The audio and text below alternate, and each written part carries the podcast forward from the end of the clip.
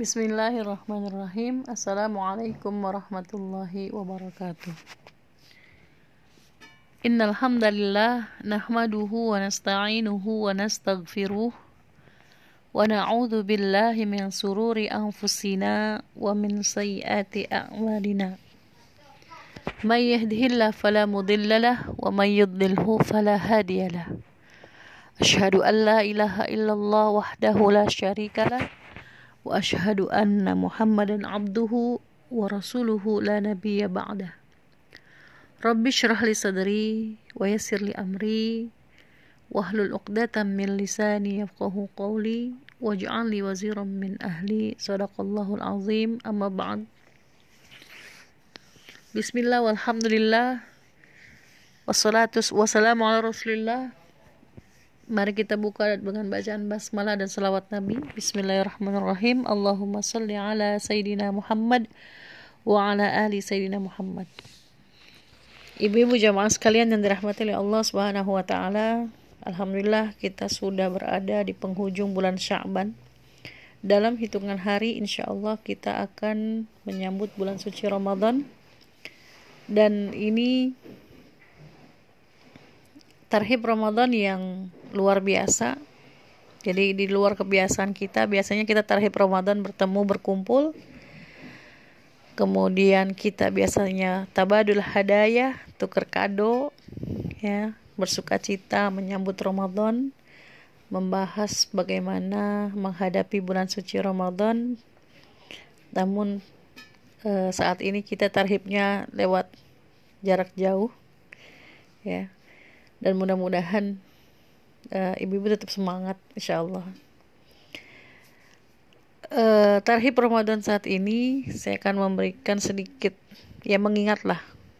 Setiap tahun kita selalu mengingatkan saling mengingatkan diri kita untuk menyambut bulan suci Ramadan dengan acara tarhib Ramadan. Tujuannya tidak lain tidak bukan adalah untuk menambah semangat uh, kegembiraan dalam menghadapi bulan suci Ramadan, bulan yang penuh dengan keberkahan, bulan yang penuh dengan pahala dari Allah Subhanahu wa taala. Nah, sekarang di bulan Syaban di penghujung otomatis pemaksimalan Rajab dan Syaban sudah tinggal sebentar lagi. Ya, sebagaimana biasa para sahabat kalau mendekati bulan suci Ramadan biasanya mempersiapkan dirinya itu tiga bulan sampai enam bulan sebelum bulan suci Ramadan. Ya, jadi sebenarnya tiga atau enam bulan yang lalu kita sebenarnya sudah harus mempersiapkan diri untuk memaksimalkan nanti ibadah kita di bulan suci Ramadan. Ya, tapi eh, nggak uh, masalah, walaupun sudah sebentar lagi mau uh, Ramadan mau puasa, kita tetap bergembira dengan melaksanakan tarhib ya tarhib di sini adalah menyambut. Ya marhaban. Rahaba yurahibu tarhibun marhaban ya. Menyambut uh, bulan suci Ramadan.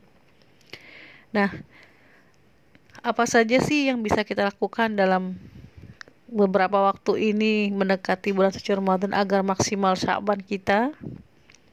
Ya di antaranya adalah dengan yang biasa puasa ya. Perbanyak terus puasa Ramadan puasa Syabannya yang belum bayar uh, hutang puasa di tahun lalu silahkan dibayar masih ada kesempatan. Ya ini nanti saya akan sekaligus menjawab pertanyaan-pertanyaan yang ibu-ibu sudah japri ke saya. Maka saya di dalam tausiah ini saya akan bahas langsung ya. Jadi eh, sepanjang perjalanan pembahasan nanti saya akan sampaikan bahwa ini pertanyaan dari ibu-ibu japri ke saya dan saya akan bahas langsung Ya, jadi ada yang nanya, bagaimana kalau saya berpuasa di bulan Syaban ini? Apakah masih boleh? Boleh. Terus ada lagi yang bertanya, bagaimana saya belum lunas bayar hutang? Apakah boleh saya membayar hutang saya di bulan Syaban ini? Jawabannya boleh. Dan bagaimana saya yang biasa puasa Senin Kamis atau puasa Daud atau puasa Ayamul Bid, apakah masih bisa melaksanakan di bulan Syaban ini? Jawabannya juga boleh. Ya. Dan uh, asalkan nanti ada jeda antara bulan Syaban dengan bulan Ramadan. Jadi nggak boleh full sampai Syaban penuh sampai 30 kemudian hari ini terakhir bulan Syaban besoknya Ramadan itu nggak boleh. Jadi harus dikasih jeda ya sekitar dua hari sebelum Ramadan. Nah, apa yang bisa kita lakukan? Yang pertama adalah memperbanyak puasa. Justru di bulan Syaban ini banyakin puasa. Jadi salah kalau ada yang bilang, oh udah bulan Syaban udah nggak boleh puasa. Bulan Syaban tuh udah eh, apa namanya bulan siap-siap buat nyambut Ramadan. Itu ya nggak ada landasannya. Ya. Nah kalau yang masih boleh puasa, hatta itu sampai sholat sun, eh apa puasa sunnah pun itu udah landasannya. Dari mana? Dari sebuah hadis Rasulullah Shallallahu Alaihi Wasallam, hadisnya riwayat Muslim, Sahih. Karena Rasulullah Shallallahu Alaihi Wasallam yasumu hatta nakul la yuftir. Ya, adalah Rasulullah Sallallahu Alaihi Wasallam berpuasa ya di, di bulan Syaban ini sampai-sampai kita bilang kata sahabat la yuftir. Ya. Nggak pernah buka itu Rasulullah. Wa yuftiru hatta naqul la yasumu. Ya. Dan Rasulullah juga pernah dilihat sama sahabat itu buka selalu selalu apa selalu buka puasa gitu selalu makan gitu loh. E, nggak e, puasa gitu. Sampai-sampai hingga kami mengatakan la yasumu.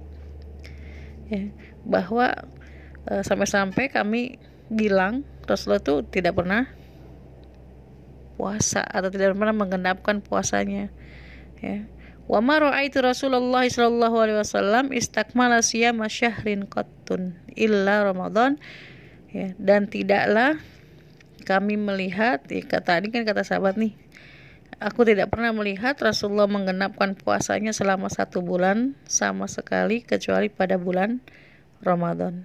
Wa ma ra'aituhu fi syahrin aksara minhu siyaman fi Sya'ban dan aku tidak pernah melihat beliau Rasulullah memperbanyak puasanya kecuali di bulan Sya'ban. Wahu Muslim hadis ini riwayat Muslim. Jadi uh, artinya apa? Artinya Rasulullah kalau bulan Sya'ban ya puasa seakan-akan puasanya sebulan gitu. Padahal sih enggak enggak sebulan karena kan harus ada jeda gitu kan.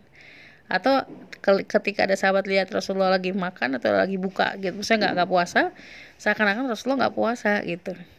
Ya, jadi memang artinya bulan Sya'ban ini boleh berpuasa masih boleh berpuasa apalagi yang masih punya hutang maka harus dibayar ya jadi jangan sampai bertemu lagi dengan Ramadan masih punya hutang hutang yang numpuk. Cukuplah hutang di dunia ini banyak. Jangan kita tambah dengan hutang akhirat. Ya jadi harus dilunasin satu persatu hutangnya agar mempermudah kita nanti di yaumul hisab. Ya. Nah, kemudian eh, juga dari riwayat lain, Rasulullah pernah menyambung puasa di bulan Sya'ban ke bulan Ramadan. Ya, seperti disampaikan oleh Ummu Salamah dalam hadisnya. Di sini disebutkan bahwa an Ummi Salamah dari Ummu Salamah ma itu Rasulullah sallallahu alaihi wasallam soma syahran taman illa Sya'ban fa innahu kana yasiluhu bi Ramadan liyakuna syahraini mutatabi'aini wa kana yasumu minasyahri hatta naqul la yuftiru wa yuftiru hatta naqul la yasumu dari Ummu Salamah uh, radhiyallahu anha berkata, aku tidak pernah melihat Rasulullah SAW melaksanakan puasa selama satu bulan penuh kecuali pada bulan Syaban. Ya, beliau menyambungkan puasa Syaban ke Ramadan agar menjadi dua bulan ber berturut-turut dan beliau melaksanakan puasa dari bulan Syaban sehingga kami berkata seakan-akan beliau tidak pernah berbuka. Dan beliau berbuka sehingga kami berkata seakan-akan beliau tidak pernah puasa. Gitu. Bingung gak kira-kira? Enggak ya? Artinya gini loh Rasulullah puasa mulu nih kayaknya nggak pernah buka puasa gitu kan. Nggak pernah nggak maksudnya nggak pernah nggak puasa selalu puasa gitu. Tapi juga di satu kesempatan kok Rasulullah kayak nggak puasa sih gitu apa berbuka mulu gitu maksudnya nggak makan gitu minum biasa gitu kan. Sebenarnya Rasul puasa nggak sih dalam bulan Sa'ban itu gitu. Jadi ada terkadang terlihat seperti puasa sebulan penuh terkadang terlihat uh, tidak pernah berpuasa seakan-akan tidak pernah berpuasa. Ya.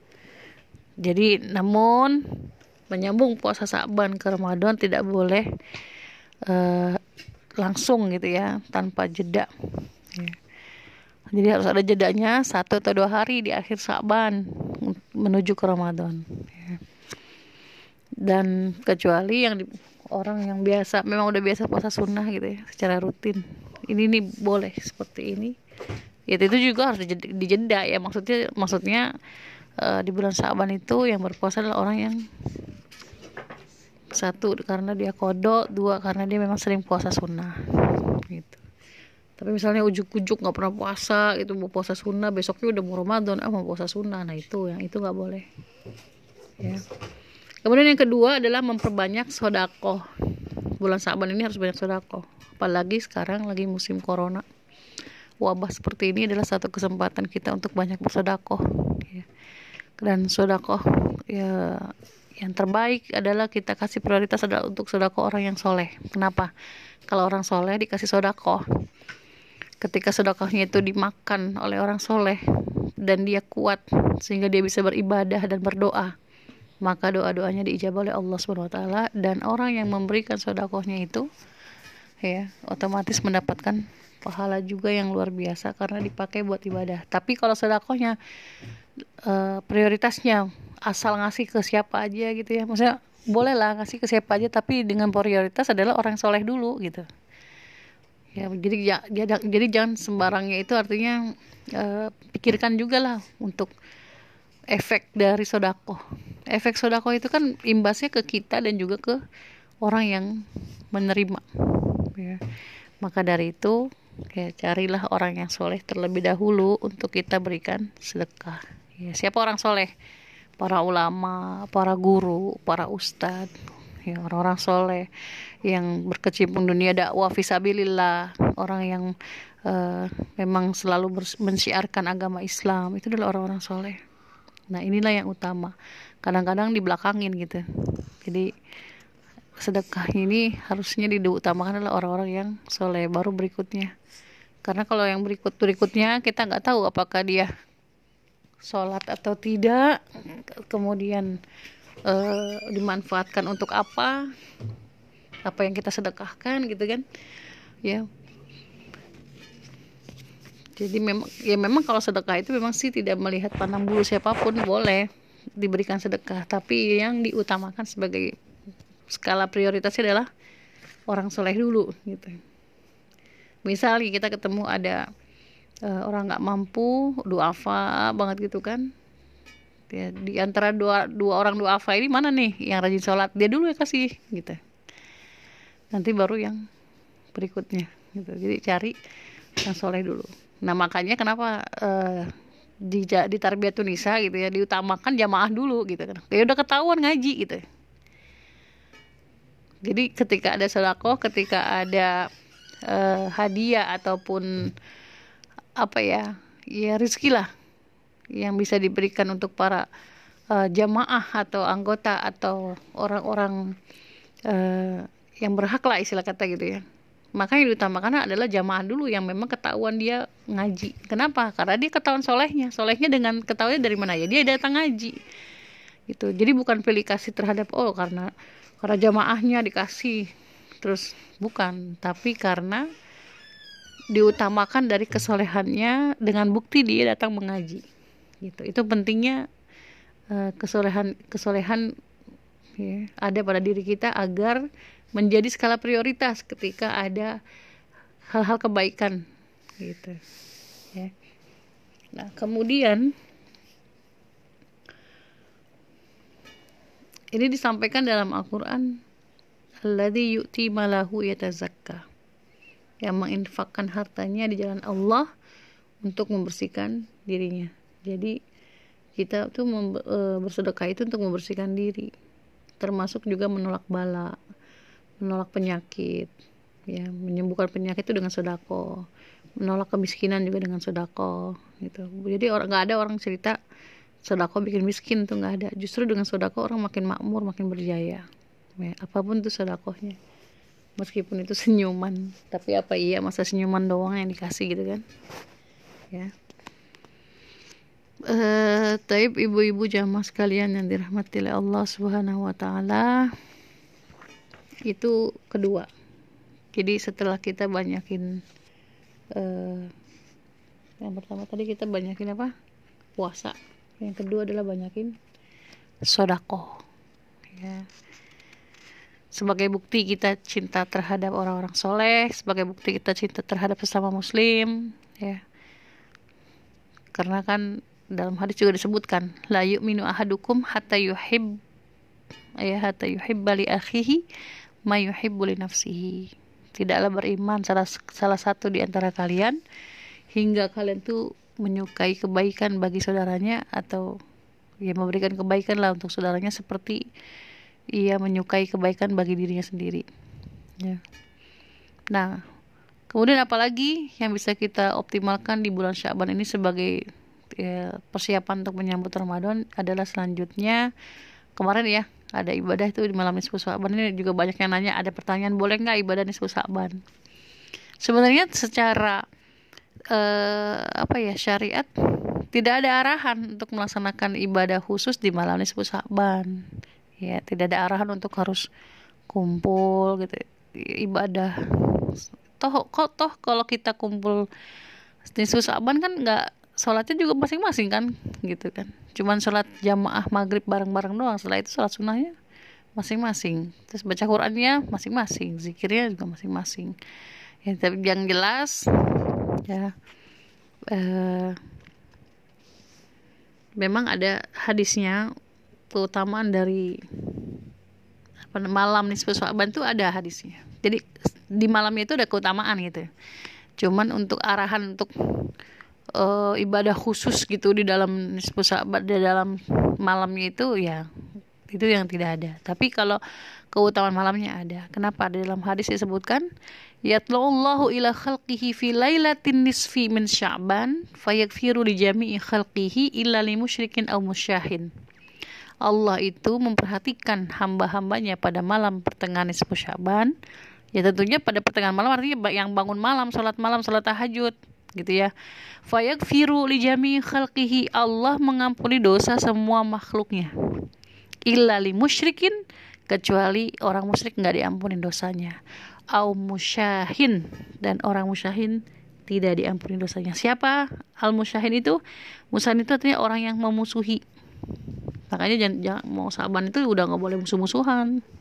Ya, menurut Auza'i musyahin itu artinya adalah orang yang membuat bid'ah atau meninggalkan jamaah. Ya, tapi ada arti lainnya musyahin adalah nafsu pribadi amarah, ya, yang bukan atas dasar agama. Dan ini bisa dilihat di Syarah Sunan Ibnu Majah ya jadi musyahin itu orang yang memusuhi yang suka memusuhi ya jadi hati-hati kalau makanya kalau bulan Syaban kan pada maaf-maafan tuh. Kita terakhir Ramadan kan maaf-maafan. Kenapa maaf-maafan?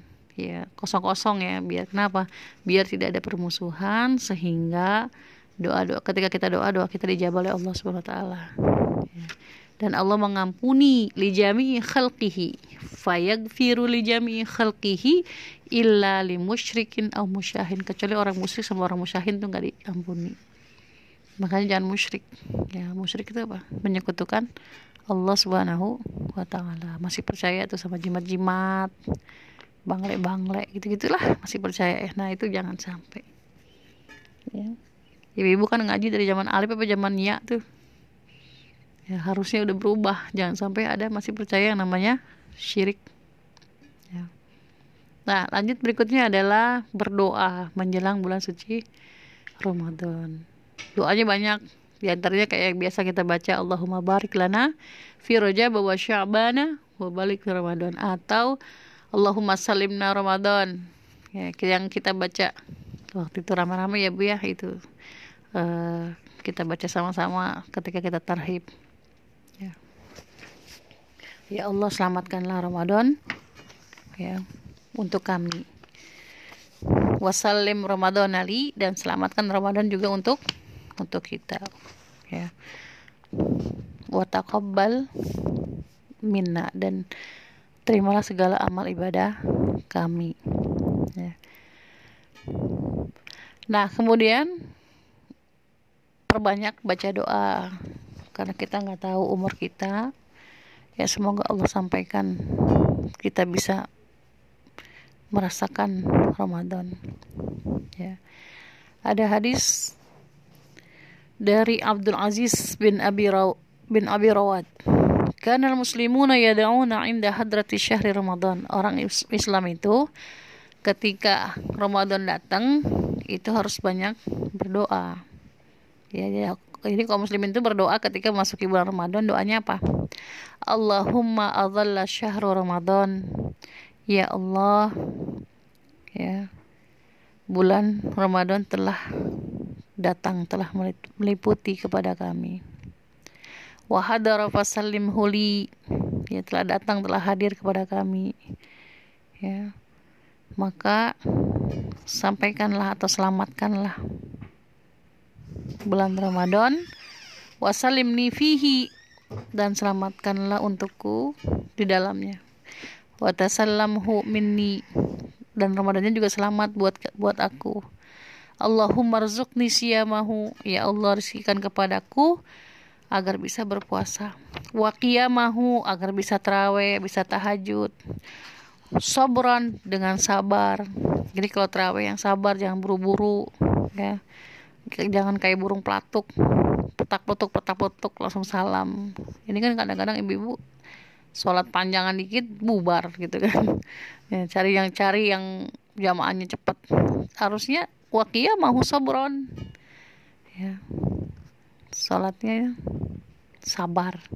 Wahtisaban sesuai hitungan. Jadi kita minta sama Allah diberikan rizki untuk bisa berpuasa bisa tarawih bisa tahajud dengan sabar dan ihtisaban sesuai dengan perhitungan ya jadi sesuai dengan perhitungan maksudnya apa ya sempurna tiga misalnya Ramadannya 30 hari 30 hari misalnya 29 ya 29 gitu. Jadi sempurna sampai selesai.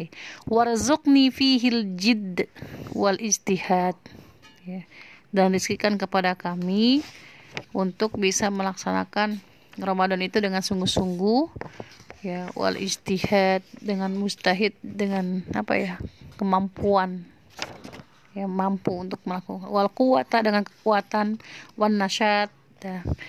kasih kami rizki untuk rajin rajin sholat tarawehnya rajin tilawahnya wa'idni fihi minasam dan aku berlindung kepadamu ya.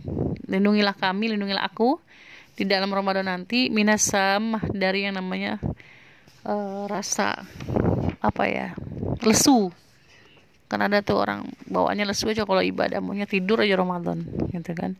Wal fatrah ya uh, lindungi aku dari jeda. Artinya maksudnya ya, ntar terawih ntar enggak tuh kan ada jeda tuh. Ntar terawih ntar enggak ntar tilawah ntar enggak gitu kan. Itu kita minta lindung sama Allah agar kita terus menerus dan nggak ada berhentinya. Wal kasal dan minta perlindungan pada Allah dari rasa malas. Wan nuas dari rasa ngantuk ya. Baru terawih dua rakaat udah ngantuk kekenyangan. Wa wafiqni fihi di lailatul qadar dan uh, berikanlah taufik kepadaku untuk mendapatkan malam Lailatul Qadar. Waj'alha khairan li min alfi syahrin dan jadikanlah di dalamnya kebaikan untukku dari malam seribu bulan yaitu malam Lailatul Qadar. Subhanallah ya. Dan sebagai penyemangat ya ini ini doanya ada doa yang bagus banget lagi dibaca juga selama Ramadan nanti itu hadis riwayat Aisyah Aisyah pernah berkata qalat Aisyah radhiyallahu anha lama hadara Ramadan ya jadi Aisyah pernah berkata bahwa Ketika akan tiba bulan suci Ramadan, kultu aku berkata kata Rasulullah, eh kata Aisyah, "Ya Rasulullah, qad hadara Ramadan." Ya Rasulullah, Ramadan telah datang. Fama aku lu maka aku harus baca apa? Baca doa apa? Ngomong apa gitu. Kalau Rasulullah bilang, "Kuli," katakanlah, doalah, Allahumma innaka afun tuhibbul afwa fa'fu anni. Ya Allah, sesungguhnya Engkau Maha Pengampun, menyukai ampunan, maka ampunilah aku. Ya, jadi uh, itu doa yang bisa kita hafalkan dari sekarang sebagai persiapan untuk menjelang bulan, bulan suci Ramadan. Dan intinya adalah ketika menghadapi uh, bulan suci Ramadan kita harus bergembira ya. Harus bergembira dan harus menyiapkan diri. Apa aja sih yang harus disiapin? Ya banyak. Kita sering bahas tuh. Pertama persiapan ruhia jadi harus banyakin ibadah dari sekarang biar nanti ibadah kita nggak loyo nggak capek di saat bulan suci Ramadan. Kemudian yang kedua persiapan diri kita adalah persiapan fisik atau jasa dia. Ya jadi dari sekarang latih fisik kita uh, untuk sehat yang sakit diobatin. Jadi biar nanti ketika Ramadan kita dalam kondisi sehat dan prima. Kemudian persiapan apa lagi? Istidadu malia siapin hartanya. Harta di sini dalam artian ya mau Ramadan kan biasanya ya dari segi apa ya untuk iftar buka puasa bahkan mempersiapkan harta untuk bersedekah gitu. Dan ini siapannya nggak sekarang mendadak-dadak harusnya 3 sampai enam bulan yang lalu. Sehingga ketika Ramadan lagi sel-sel nih.